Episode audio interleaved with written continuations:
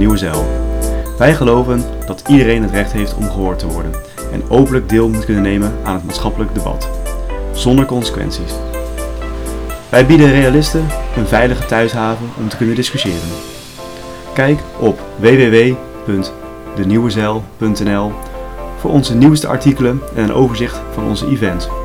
Ook zijn wij te vinden op onze Facebookpagina, hebben wij een eigen Facebookgroep en zijn we te vinden op Twitter op de Nieuwe Zeil.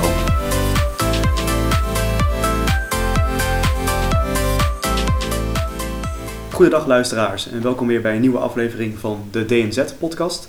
Vandaag zit ik hier met uh, Frans van der Reep, uh, lector uh, Digital World aan de Hogeschool in Holland. En ehm, Frans is een uitermate kritisch persoon als het gaat om de doorgeslagen digitalisering van eigenlijk alles in de maatschappij. Goedendag Frans, welkom, dankjewel. Hoi, leuk dat je er bent. Ja, um, zou je in het kort eigenlijk willen zeggen waarom je eigenlijk zo kritisch bent op de toenemende technologisering en digitalisering van eigenlijk alles in het leven? Thomas van Aquino, een 13e eeuwse kerkvader, filosoof, die heeft ooit eens gezegd: het kleine gelijk wint het altijd van het grote gelijk. Uh, nou kan ik niet precies definiëren wat klein en groot gelijk is, maar ik denk dat je er wel een gevoel bij hebt. Um, wat, je nu, wat ik meen te zien is dat uh, uh, allerlei vormen van digitalisering verkocht worden over de as van fun en gemak. Webshop, hè, dus praktisch, ja. fun en gemak. Uh, smart city, fun en gemak. smartphone, fun en gemak. Dat is natuurlijk ook zo. Maar het leven bestaat niet alleen uit het kleine gelijk, maar ook uit het grote gelijk. En de structuren om die in balans te brengen. En niet alleen ja te zeggen op basis van het kleine gelijk, maar ook op basis van het grote gelijk, die zijn er nog niet. En dat is geen verwijt aan wie dan ook. Dat heeft ermee te maken dat die digitale revolutie zo ontzettend snel gaat. Ja. Een voorbeeld van afweging van klein en gelijk. Neem bijvoorbeeld webshops. Ik, uh, ik neem niemand kwalijk als je een keer een jurkje bij een, uh, bij een uh, webshop koopt of zo. Dat is niet aan de orde. Maar aan de ene kant is zo'n webshop natuurlijk prettig, want je hoeft de deur niet uit. Aan de andere kant betekent dat leegstand van gewone winkels, dus verlies aan waarde. Het betekent uitrolling van sociale contacten. Het betekent heel veel bestelbusjes die allemaal via dieselolie rondrijden om die bakjes te bezorgen.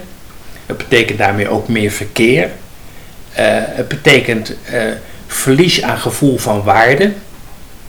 Uh, de, en zelfs de, de, vraag of die webshops echt nou echt geld verdienen, is ook nog de vraag. Ja. Want 40% van de pakjes gaat retour. Nou, in mijn, in mijn werk noem ik dat dan dat er misschien bij de digitale revolutie voor een beperkt aantal ondernemingen een business case is. Ja. Kijk, Amazon en Google en Facebook, die verdienen er allemaal geld mee. Maar de vraag is of er echt een value case is. Of de samenleving, wij als geheel, er nu werkelijk op vooruit gaan. En ik vraag me dat in toenemende mate af. Ja, nou dat is een uitermate interessante vraag. Maar als u die bijvoorbeeld stelt um, in een collegezaal, dan weet ik nu al dat u natuurlijk gewoon meteen de kritiek krijgt van ja, maar Facebook is een groot medium en het levert ons zoveel voordelen op. Hè. In contact staan met mensen is dan vaak het argument natuurlijk wat je hoort. Mm -hmm. Maar ja, mijn dochter. Er is ook een downside natuurlijk. Ja, mijn dochter, uh, of een van mijn dochters, heeft een 3,5 jaar in Lima in Peru gewoond. Ja. En toen was ik ook dol op Skype. Ja. Dus ik ben echt niet blind voor de voordelen. Maar mijn punt is dat je in de balans um, meer aandacht moet hebben voor nadelen. Ja. En wat je, wat je ziet, bijvoorbeeld, ik had laatst een gesprek met iemand van Google die uh, heel erg uh, voor uh, autonome auto's, zelfrijdende auto's was. Ja. En toen zei ik ook van ja joh, ik snap die zelfrijdende auto wel, ik snap dat je dat wil. En ik snap ook dat dat mogelijkerwijs 800 verkeersdoden per, per jaar scheelt. En dat is een belangrijk punt. Zeg. Maar je moet ook eens even kijken naar de downside ervan. Die is ja. namelijk ook.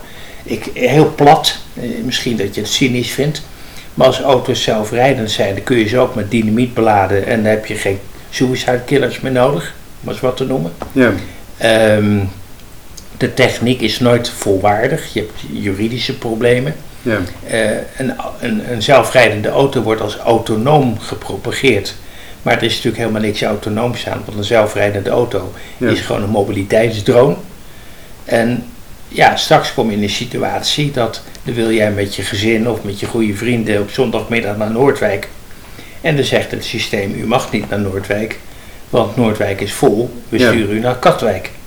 Nou, dit soort dingen is gewoon niet bestudeerd. En eh, eh,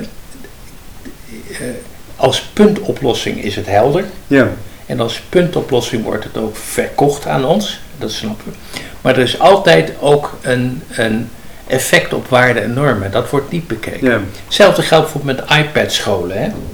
IPad-scholen, prima. En iedereen snapt dat iPads handige en belangrijke dingen zijn. ja, Maar het effect van iPads op eh, de ontwikkeling van je, van je fijnmotoriek. ja, eh, het, het feit dat iPads helemaal niet zo handig zijn om simpele boodschappenbriefjes mee te nemen naar Albert Heijn.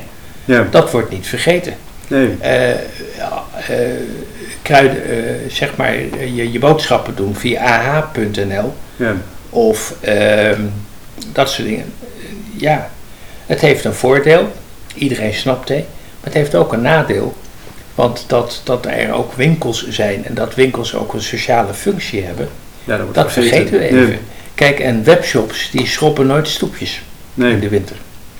Maar hoe komt het dan dat die, die downside van de digitale revolutie eigenlijk nauwelijks of niet eh, wordt besproken? Heeft dan mee te Nou, maken? hoe het komt, weet ik niet. Ik heb er wel een mening over. Eh, ik denk dat het aan twee zaken ligt. In de eerste plaats de enorme marketingpower van, van, van, van ICT-bedrijven. Ja, Overigens vooral in Nederland. En dat heeft er weer te maken, mee te maken dat Nederland typisch een handelsnatie is. En het eh, beste jongetje in de klas wil gaan Ja. met een extreme hang naar korte termijn eh, benefits. Eh, enorme marketingpower. De tegenkant is niet georganiseerd. Dus de voorkant van de digitale Ja. wereld met Nederland ICT en, en glasvezel, dat is allemaal goed georganiseerd. De tegenkant van jongens, let even op, die is niet georganiseerd. Bits of Freedom bestaan natuurlijk wel, ja, maar die hebben geen, qua marketingpower geen schijn van kans tegenover de, de Amazons van deze Ja. wereld. Eh, de, de tweede kant die ik eraan zie is heel, nog, nog veel platter. Abstractie verkoopt niet. Alleen met concrete voorbeelden, met concrete situaties kun je communiceren. Abstractie verkoopt niet. ja, Als ik zeg net met waar ik mee begon, eh, Thomas van Aquino, ja, eh, eh, het kleine gelijk verliezen dan Ja. van het grote gelijk. Nou ja, dan, alleen al met die uitspraak is Ja. 9 van de 10 mensen zijn weg. ja.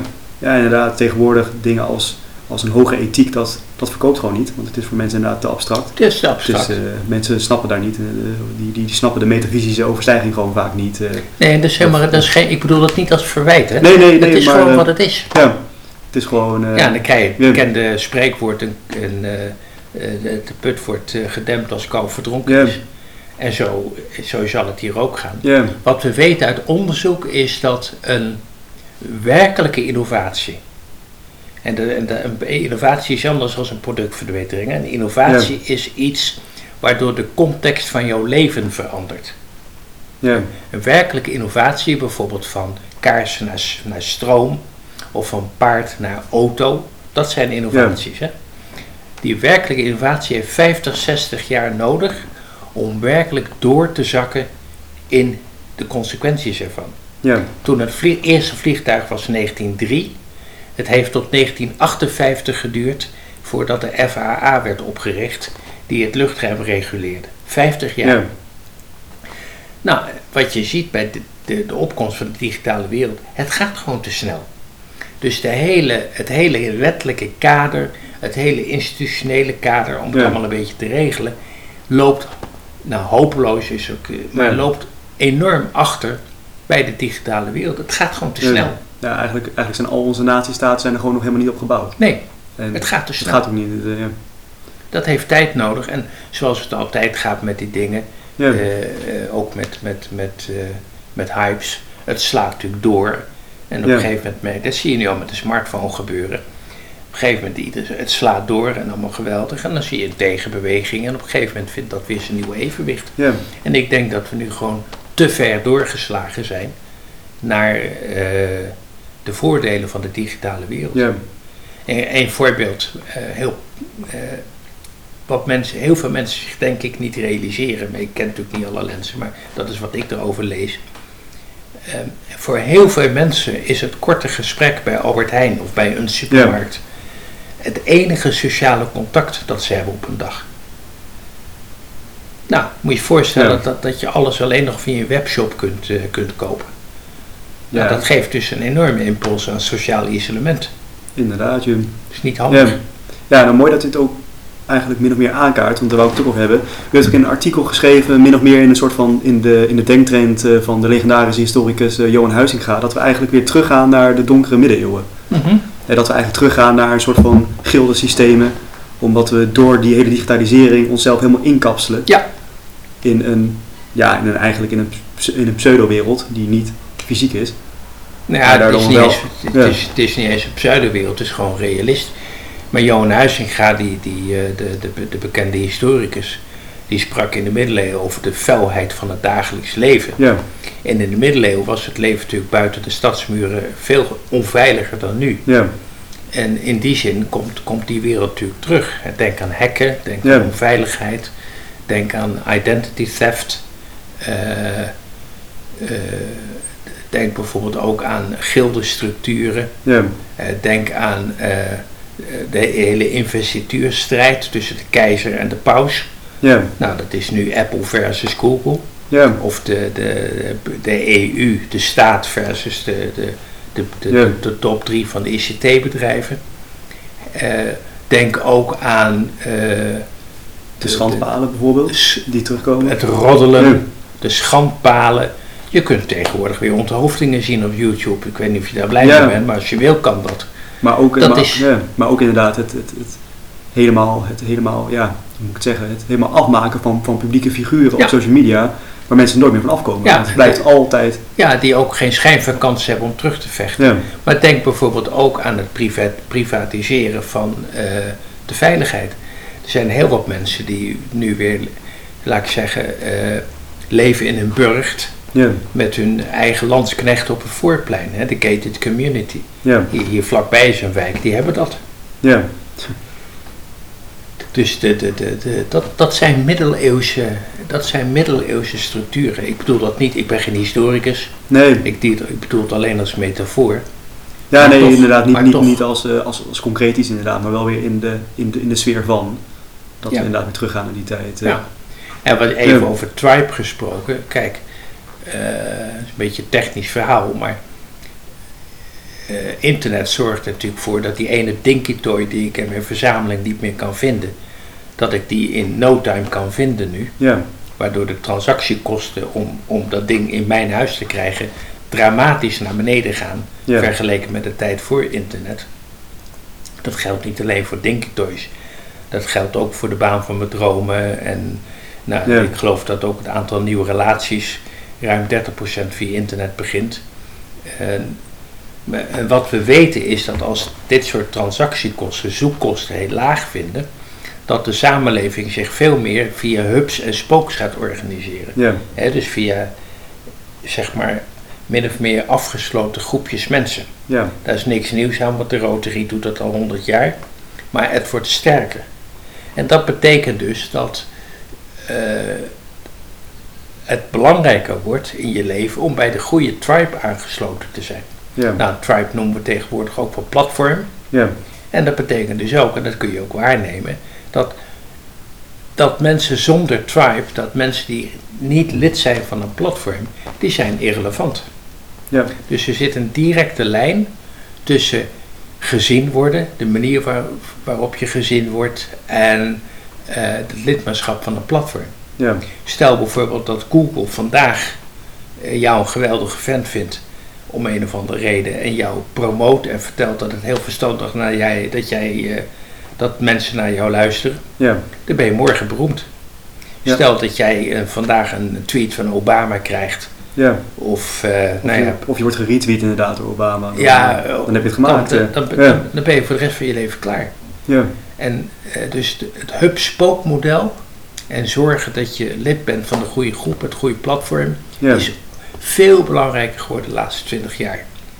Het omgekeerde geldt ook als je geen lid van een platform bent en je bent autonoom, werkelijk autonoom, dan is de kans dat je irrelevant bent, slim maar buitengewoon irrelevant, is vrij groot. Dus, dus ook daarin zien we dat bijvoorbeeld de inhoud van een persoon of de, de expertise, mag misschien wel zeggen, dat die dan ook steeds minder relevant wordt. Ja, ik, gaat, mijn, analyse, om het om te gezien worden. ja, mijn analyse is, en ik zeg niet dat ik gelijk heb, hè, Nee, nee, nee, maar gewoon inderdaad een... eh, Maar mijn Ja. analyse is dat zichtbaarheid op dit moment belangrijker is dan kennis van zaken. maar ik denk dat we het ook wel zien aan eh, mediaplatformen als, als, als Instagram of YouTube, waarin mensen enorm veel geld kunnen verdienen met gezien worden. Ten opzichte van naar de pure TV. inhoud. eh, Kijk ja. eens naar de tv, Jinek. Mannetjes, mannetje, ja, Jinek is dan een dame, maar dat noemen we in het Nederlands mannetjesmakerij. Ja, Dus, maar de, ook NOS heeft weer belang om gezien te worden. ja, En voor een marktaandeel is voor NOS ook belangrijk. Dus die spelen ook met duidelijke smoelen, zeg maar. ja, en ook gewoon vaak dat, dat typische massa-media-achtige Ja, trends. Maar dat, dat is om, weer, om weer terug te komen bij, bij Huizinga, die, die zei dat ook al eind jaren 30 ook al inderdaad, dat hij ergerde zich dood aan de, aan de reclame-industrie waar bedrijven voor zijn gevallen. Door domme boodschappen maar overbrengen, omdat mensen dat wel, wel lekker vinden klinken. En hij hoopte dat er een eind aan zou komen. Maar ja, nu eh, gaat 80, niet 90 jaar later eh, is het Nee. alleen maar erger geworden. Nee, gaat niet gebeuren. Nee, Mensen veranderen niet. nee, nee zeker. eh. maar stel, eh, wat, wat we nu erg zien, in, eh, als we, eh, wat, wat, wat we nu erg zien, je hebt een platform en je wilt je platform promoten. De kans dat je gecensureerd wordt bestaat op de grote platformen zoals eh, YouTube, Twitter of Facebook. Is dat een gevaarlijke ontwikkeling, die censurering op private bedrijven? Nou ja, de, de, ook dat is in termen van de middeleeuwen Ja, een soort investituurstrijd. Hè? ja, De, er is natuurlijk toch een soort, soort machtsallocatie, herdefinitie, een heleboel, heleboel moeilijke woorden op een rijtje aan Ja. de gang. Van wie heeft nou de macht? Zijn dat de staten, de nazistaten, ja, of zijn dat Google, Amazon en Facebook en Alibaba? ja, En eh, ja, laat ik zeggen, het eh, monopolie op geweld. En censuur is een vorm van geweld. ja, Het lijkt me toch dat het iets is wat aan de staat toebehoort. ja, En uitgevoerd dient te worden aan degene die aan de wet zijn onderworpen. En eh, ja, censuur is, is ja, bepaalde vorm van. Dat, Ja. dat er geen onthoofdingen te zien zijn op, op YouTube, vind ik persoonlijk een heel goed idee. maar dat Maar- bepaalde meningen. Maar, maar de, de, de, dat is buitengewoon glibberig. Ik, ik ben altijd tegen een, als ik even mag uitwijken, ja, eh, ik ben altijd tegen een verbod op roken geweest als reclame. ja, Omdat je met een verbod op rookreclames een macht introduceert om reclames te verbieden. ja, En die macht gaat vervolgens altijd gebruikt worden om ook weer andere dingen te verbieden. ja het, het stopt niet bij het ene. Het gaat Nee. gewoon. eh, Het gaat door. Het gaat door. Ik, vind dat, ik ben heel benieuwd hoe dit verder gaat. Eh, en je moet in ieder geval zorgen dat het transparant is. ja, dat we weten wat er gebeurt en Wat- waarom. Ja. En, eh, want ik, ik, ik zelf was altijd, in dat opzicht dacht ik altijd van, eh, laat die pri- private bedrijven, want ze zijn privaat. Hè, ze mogen zelf bepalen wat ze verkopen of wat ze, wat ze laten zien. Maar nu je ziet dat Facebook, Twitter en Google eigenlijk ons eh, publiek debat zijn geworden, in plaats van hè, de, het, het face-to-face gesprek, zien we dat ze ook daardoor een enorme macht dragen. En als je dat ook al gaat censureren, dan zie je dat, dat gewoon bepaalde personen nooit meer een mening kunnen uiten. Eh, Tegenwoordig kan je, of moet je eigenlijk wel je, je meningsvorming en meningsuiting doen via de grote, grote media, want anders Wie, ben je niet gezien, hè? Wie ben je niet ben je niet gezien, gezien en je, wie je niet kan ook nooit gezien gehoord worden. Ja. Nee, je zou ook. eh, het, is het probleem van het groene hart een beetje. Ik heb ooit een artikel geschreven over het groene hart. En het punt is, kijk, jouw extra schuurtje in het groene hart Ja. maakt natuurlijk geen bal uit, die vijf vierkante meter. Maar, en het probleem is dat niet alleen jij bedenkt dat jouw schuurtje niks uitmaakt, Maar duizend mensen per jaar bedenken dat hun schuurtje niks uitmaakt. Ja. En dan krijg je dus niet één schuurtje erbij in het Groene Hart, maar je krijgt duizend schuurtjes erbij in het Groene Hart. En zo slipt de boel dicht. Ja. En je moet dus een, een, een, je moet dus een, een, een awareness hebben van wat jouw gedrag op het geheel betekent. Dat moet je organiseren. Ja. En dat heeft een, een, een, laat ik zeggen, een pedagogische kant. Het heeft ook een juridische kant. En ja, los daarvan, ehm, we hebben het natuurlijk een beetje met project X ooit gezien. Ik, ik weet Ja. Ja. Ja, In, eh, in dat- Haren was dat toen. ja, eh, precies. En mensen moeten zich realiseren, meer dan nu, Even, eh, en dat geldt dus ook voor de, voor de YouTubes, de Twitters van deze wereld. Mensen moeten zich realiseren wat hun gedrag voor het geheel zou kunnen betekenen. Dat is ingewikkeld. Ja. En dat is, een, dat is niet iets van fout of goed. Nee, dat is een proces. Dat moeten we met elkaar leren. Wij moeten snappen dat, eh, kijk, dat, kijk, als ik naar New York zou vliegen, Ja. dan maakt het natuurlijk geen zak uit voor het klimaat. Terwijl als ik op en neer naar New York vlieg, dan produceer ik als passagier evenveel CO2 Ja. als een, een, als een gezin het heel jaar verstoot, Ja. voor de goede orde. Maar ik ben niet de enige, net als met dit, dat schuurtje in het Groene Hart. Ja. Als ik naar New York ga, gaan miljoenen naar New York. En dat maakt wel uit. Ja. En, en dat, dus dat levelen en, en kijk, en als iemand naar New York is, prima. Maar dat levelen en de consequenties van je eigen gedrag doorzien. Ja. En daar, daar, daar conclusies aan verbinden, zeker voor die grote ondernemingen, dat moet allemaal nog groeien.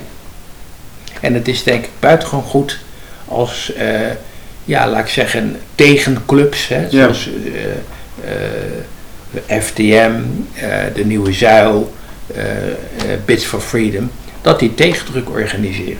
Ja. En daar gewoon eigenlijk een gedachtegoed om. Ja, hetzelfde geldt ja. voor de, de komst van 5G. Ja. Kijk, niemand heeft er bezwaar tegen dat er een netwerk komt wat met iets meer capaciteit heeft. Ja. Maar als je dat combineert met Internet of Things, waardoor op een gegeven moment de koelkast eh, de gesprekken die in het huis worden gevoerd doorgeeft in principe aan de politie, Ja. ja, is misschien toch niet zo'n goed idee. En dan moet de politie misschien op het idee komen om dat maar eens niet te doen. Ja. Ja. Want de persoonlijke vrijheid is daardoor gewoon Ja, eh. Internet of ja. Things betekent het einde van de private space. Ja. En dat, dat- daar zijn we eigenlijk natuurlijk al. Het is aan de gang. Het is, eh, of we zitten inderdaad in, vol in de ontwikkeling. Maar het is nogmaals, het gaat allemaal over dat ene schuurtje in het groene Ja. hart. Hè? Eén schuurtje maakt niet uit, twee schuurtjes maakt niet uit. Ja. En op een gegeven moment word je wakker en dan constateer je dat het groene hart weg is. Ja, en hoe kijkt u bijvoorbeeld naar, eh, naar zoiets als, als Den Bosch? Waar Den Bosch is, is, is eh, voor de mensen die het niet weten, is, is, is een smart city. Ja, daar wordt al jarenlang geëxperimenteerd natuurlijk met verregaande technologisering eigenlijk Mhm. van, van het hele daags leven. Mhm. Maar de successen blijven ook wel, in ieder geval, blijven uit. De- Die zijn niet eens veel kritiek, eh, nee. Nee. Maar, Nou, in Amsterdam is men bezig, in de Ja. Bos, in Eindhoven. En kijk, als het met Smart City, met, met, kijk, als het gaat over het, eh, het, het indelen van de surveillance van politie Ja. op basis van AI, ja, dat, eh, hoe het werkt, geen idee. Maar er zijn, er zijn eh, voorbeelden bekend dat, dat inderdaad dan de politie effectiever wordt. ja, omdat ze door middel van algoritmes kunnen ze Ja. inderdaad bepaalde plekken zien wordt het drukker dan normaal. Dan weten ze dat de kans groter is op, een, op een vechtpartij bij het uitgaansleven of zo. Ja. Ja, daar kan moeilijk iemand bezwaar tegen hebben. Eh, met AI röntgenfoto's bekijken, Ja. waardoor het veel sneller en preciezer gaat. Daar, daar, daar, daar kan niemand bezwaar tegen. Maar met, met, met intelligente camera's eh, het gedrag van mensen bekijken, kijken hoe ze Ja. praten, kijken hoe ze bewegen. En ze dan preventief oppakken omdat jouw beweging Ja. een, AI een, een algoritme eh, triggert. Waardoor de kans dat jij een terrorist groter bent. Ja. Ik weet niet of dat een goed idee is. Nee, maar dat zijn inderdaad sowieso hele goede vragen om daar gewoon eens überhaupt over na te denken. Ja, net. Wat, niet, niet, wat eigenlijk nauwelijks gebeurt. Het, het, je krijgt de facto omgekeerde bewijslasten. Ja.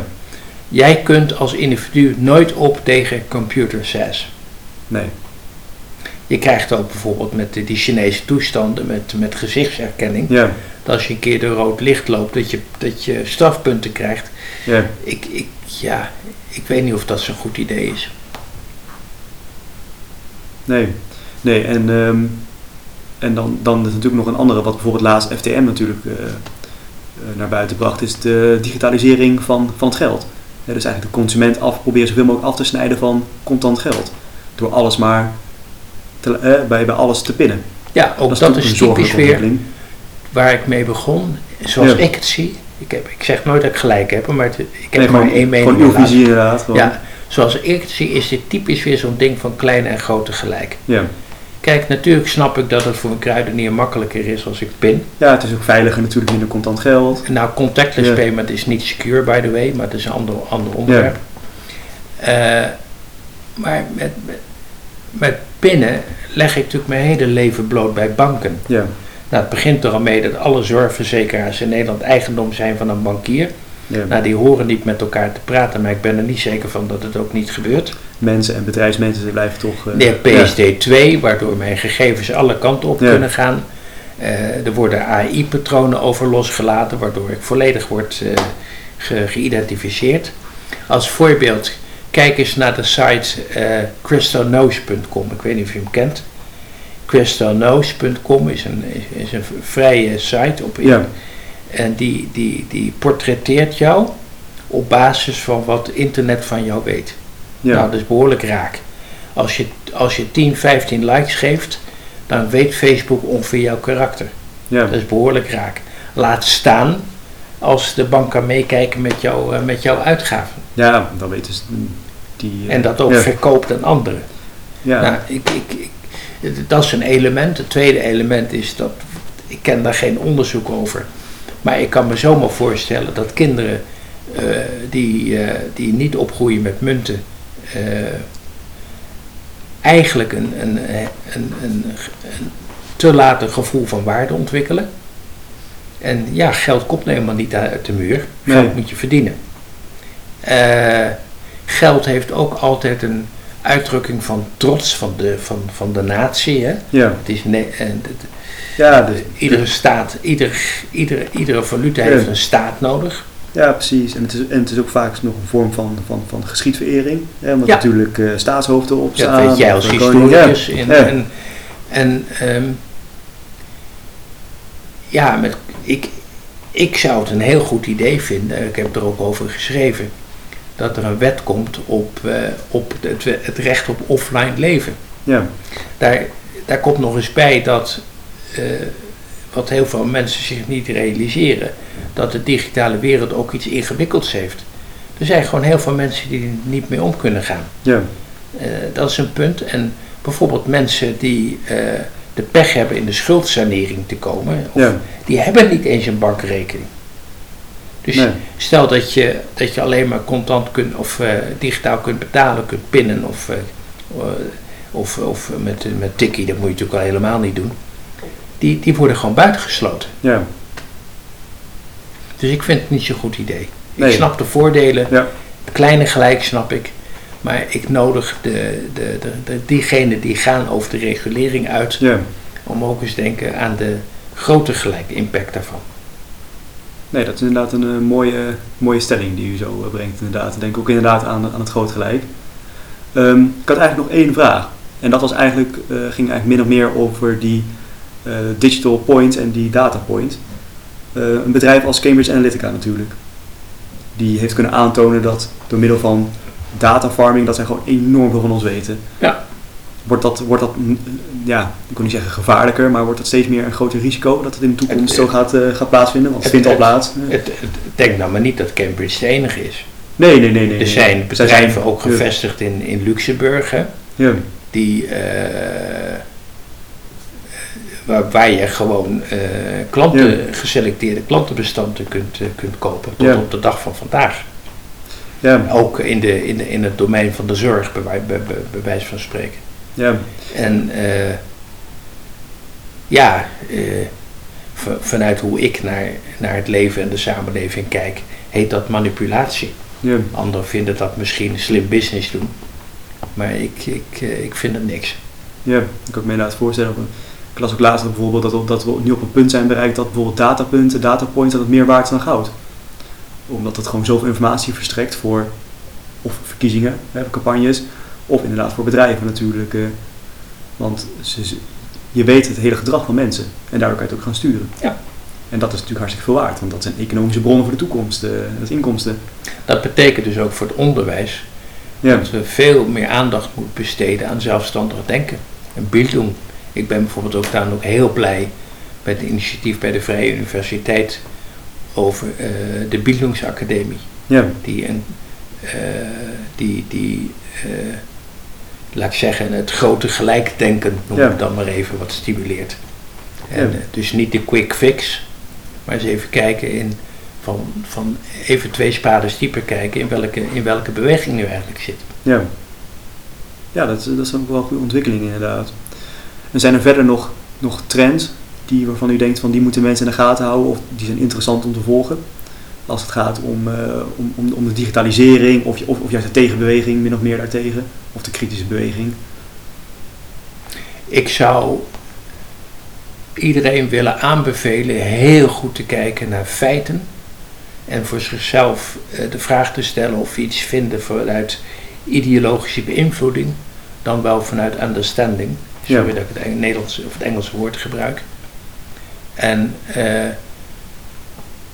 ik zou iedereen willen, inclusief mezelf, willen aanbevelen om er niet vanuit te gaan dat je zelf los van ideologie bent. Ja, Wees kritisch, wees ook kritisch naar jezelf. En stel je altijd de vraag of je werkelijk snapt wat je ziet.